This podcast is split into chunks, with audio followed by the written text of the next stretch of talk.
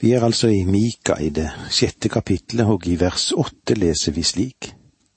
Menneske, Herren har jo sagt deg hva godhet er, og hva Han krever av deg. At du skal gjøre det som er rett, vise trofast kjærlighet og vandre ydmykt med din Gud. Jeg ønsker å si dette både i all mulig mildhet og kjærlighet men jeg aner at kanskje det er noe som støter deg i dag, eller noen som støter deg. Kan hende det er slik at vi tror at der vi hører til i vår organisasjon eller menighet eller kirkemedlemskap, eller vår karakter eller våre gode gjerninger, at alt dette skal være med å føre oss frem til Gud. Ja, da må jeg få lov å si til deg du går ved siden av Guds vei. Jesus sa det jo slik, Jeg er veien, sannheten og livet.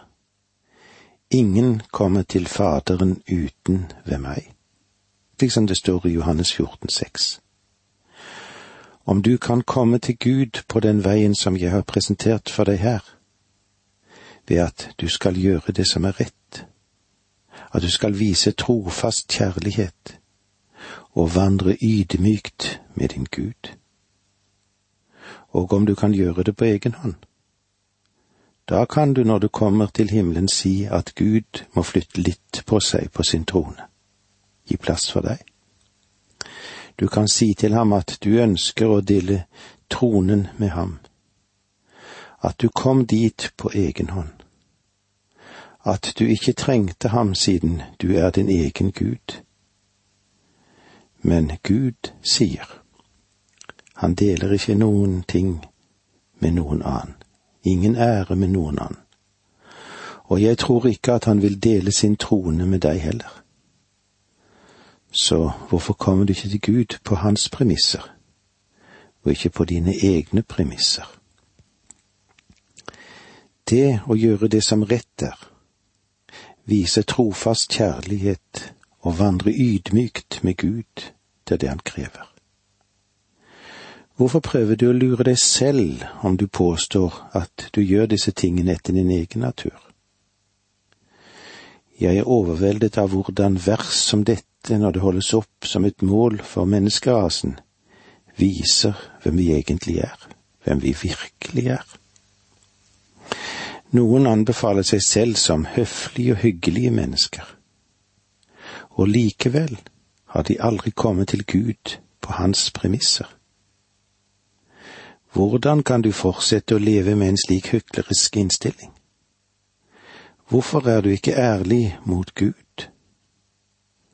Bare gå rett til ham og si at du er en synder. Han vet det jo allerede. Men det ville vært hyggelig hvis du sa det til ham. I stedet for å søke alle slags behandlinger og remedier for å finne fred. Hvorfor snakker du ikke med Gud? Si til ham hva det er som er galt med deg. Fortell ham om dine forestillinger. Fortell ham om synden i ditt liv.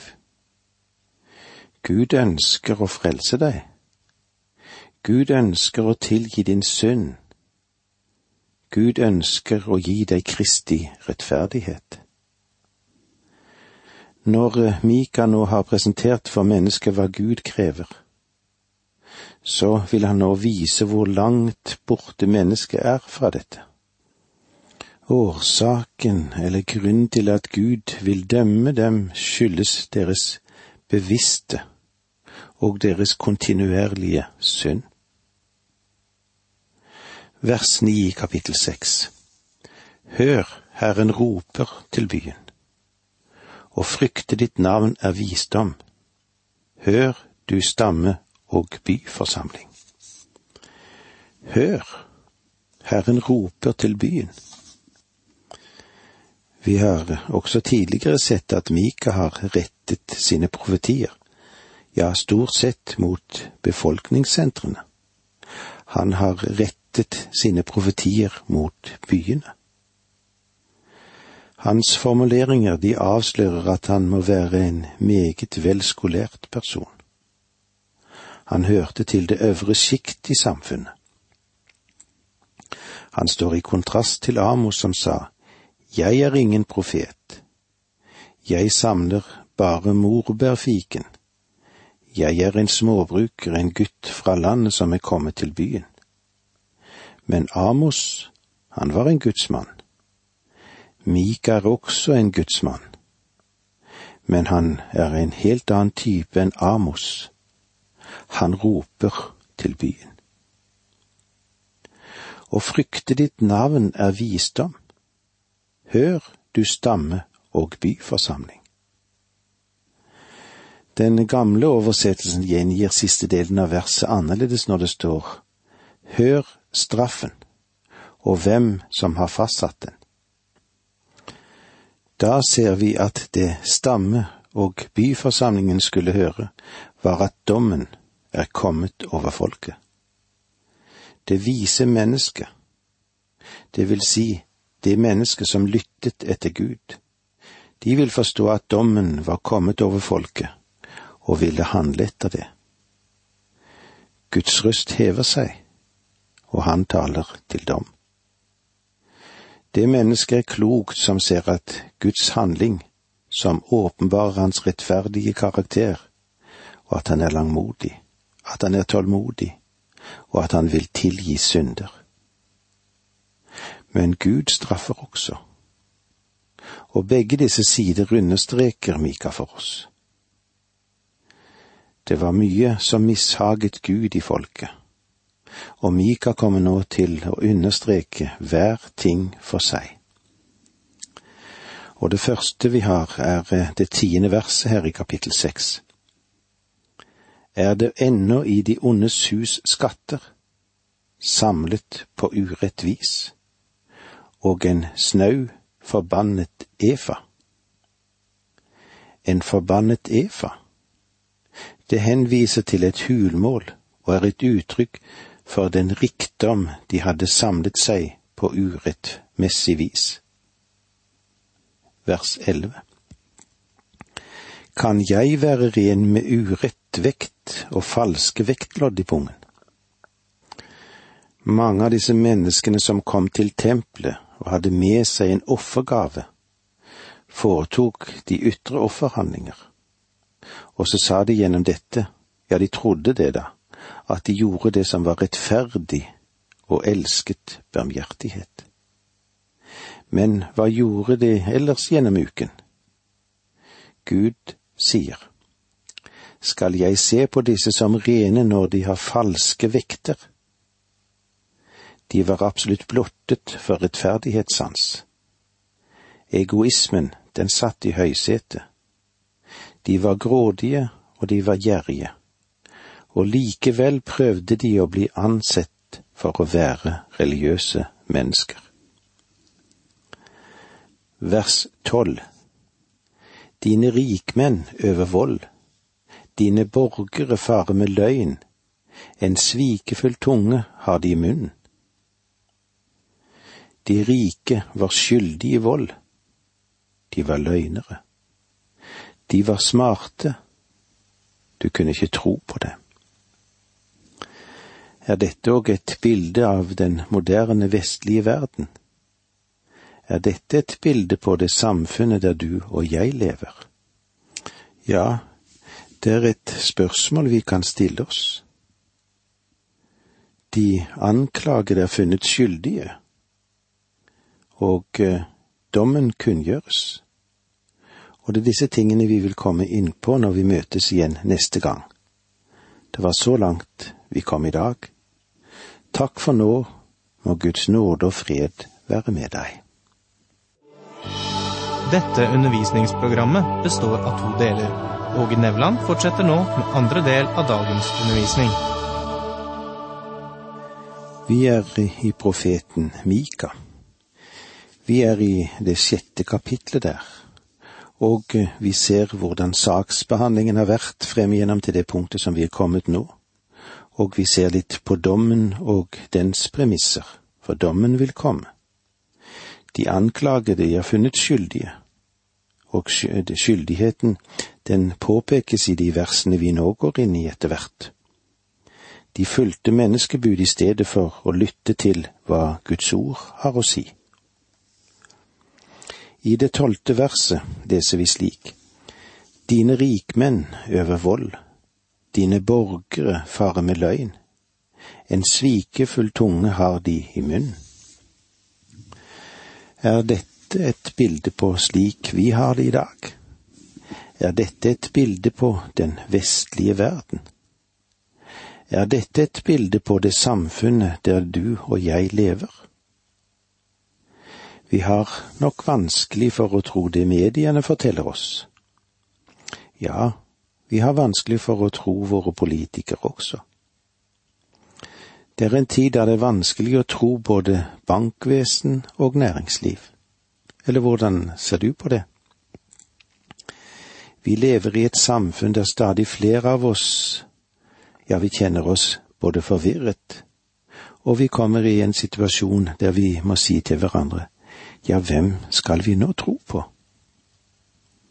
Dette var situasjonen i Israel der Mika sto fram, og Gud ville ikke godkjenne situasjonen som den var da.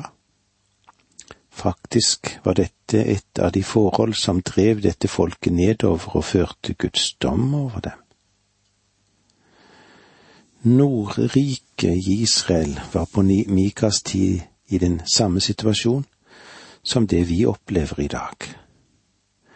Og Gud, han ville ikke se mellom fingrene med dem.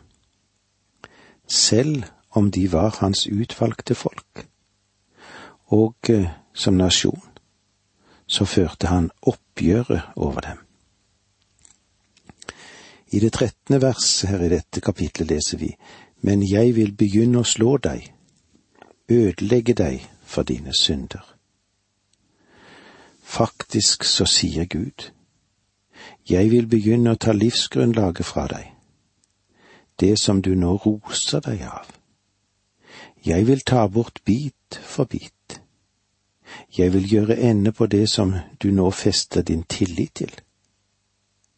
Men jeg vil begynne å slå deg, ødelegge deg for dine synder. Vers 14 Du skal spise og ikke bli mett. Tom skal du kjenne deg.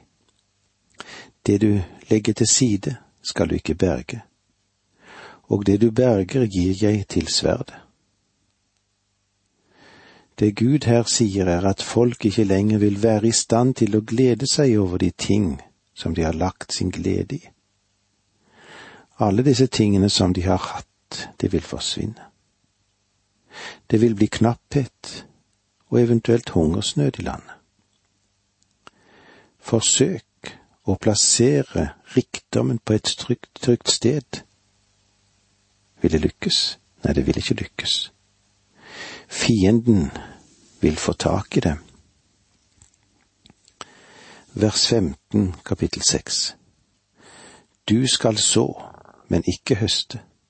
Presse oliven, men ikke salve deg med olje. Presse druer, men ikke drikke vin. Fienden ville føre dem bort fra landet deres, ta dem med til Asyria som fanger. Gud hadde til hensikt å beskjære dem, men hensikten var å gjøre det gradvis. Det ville selvfølgelig gi dem en mulighet til å venne seg til ham. Det neste kapitlet, det gjør det helt klart at Gud ville ha tilgitt dem når som helst om de hadde vendt seg til ham. Men eh, hvordan er det? Hvordan er det med deg? Du må òg vende deg til ham. For Gud står de stolte imot, men de ydmyke gir han fremdeles nåde. Israelsfolket de holdt fast på de ytre religiøse forhold. Men i sitt hjerte, ja, hvordan var det der? Jo, der var de langt borte fra Gud. Det viser seg at de var uærlige i sine forretninger. Selve livskjernen, den var uren. Det var mye vold. Her var det mye løgn, og her var det mye bedrag. All slags synd fant grobånd i dette folket. Og Gud kan ikke velsigne et folk som ikke vil gå opp grensene mellom det som er rett og det som er galt. Vers 16 Du har fulgt omriss, skikker og båret deg som Akabs ett. Etter deres råd har dere vandret. Derfor vil jeg legge deg øde og gjøre dine borgere til spott, og mitt folks klam må dere bære. En ny lytter vil kanskje stille spørsmålet Hvem i all verden er Omri? Og vel, hvem i all verden er Akab? Jeg har aldri hørt om disse tidligere. Hvorfor sier Gud om dem det han sier? Et slikt spørsmål, det sier oss noe om hvor viktig det er og nødvendig det er å studere og gruble litt over Det gamle testamentet, slik at profetbøkene og de historiske bøker holdes sammen slik at hver profet får tale inn i den historiske situasjon som han befant seg i.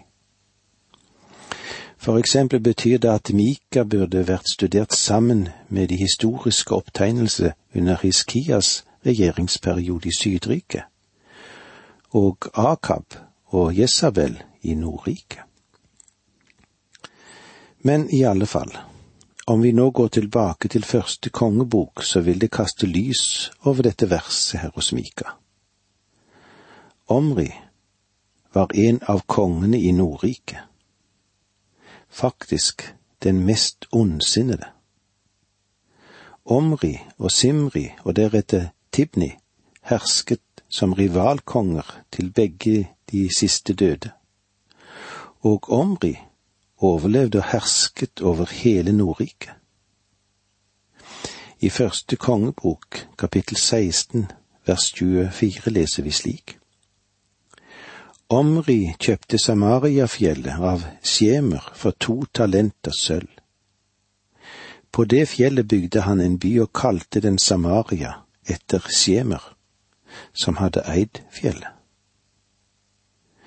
Denne byen ble kalt Samaria frem til denne dag, og ruinene av den by som Omri bygget, finnes der ennå. Men Omri er egentlig ikke den som utviklet denne byen. Etter Omris død kom Akab på tronen, og så leser vi videre der fra første kongebok 16, 28 og 30. Så gikk Omri til hvile hos sine fedre han ble gravlagt i Samaria, og hans sønn Akab ble konge etter ham. Akab, sønn av Omri, gjorde det som var ondt i Herrens øyne, enda mer enn noen av dem som hadde vært før ham. Det sier jo noe, men årsaken til at han satte rekord i ondskap, var at han hadde en sterk, sterk hjelper i sin hustru Jesabel. Vi leser det 31. vers òg i dette kapitlet, altså kapittel 16 i første kongebok. Det var ikke nok med det han gjorde, de samme syndene som Jeroboam, Nebats sønn, hadde gjort, men han giftet seg med Jesabel, datter av et Bal, kongen i Sidon, og gav seg til å dyrke Bal og kaste seg ned for ham. Akab og Jesabel gjorde tilbedelsen av Baal til Israels religion. Du har fulgt Omris skikker og båret deg ad som Akabs ett. I stedet for å følge Herrens lover fulgte de Omris og Akabs lover. De fornektet Herrens ord og valgte i stedet sine egne råd og nå på Mikas, Mika sin tid, nesten 200 år senere, dukker den fulle forvirring og innflytelse av deres onde herskers tid frem i all sin kraft. Vi ser den samme virkning også i vår tid. Lederskap i ethvert folk, om dette folket skal gå frem under Guds herrevelde, må være gudfryktig. Mange mennesker gjør det morsomt på bekostning av den såkalte Victoria-tiden med sine mange religiøse hensyn. men det har til tider vist seg at det er viktoriatidens verdier som har holdt England, og delvis Vesten for øvrig, sammen. Det er oppløsning av disse verdiene at faren ligger. Mika presenterer Guds filosofi for utøvelse av herskermakt. Og dette læres ikke på noen av våre universiteter, det er så.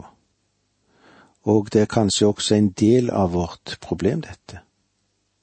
Og så lenge vi vil lukke øynene våre til denne faktor, skal vi ikke undre oss over at oppløsningen og forvirringen i folket vårt, den fortsetter.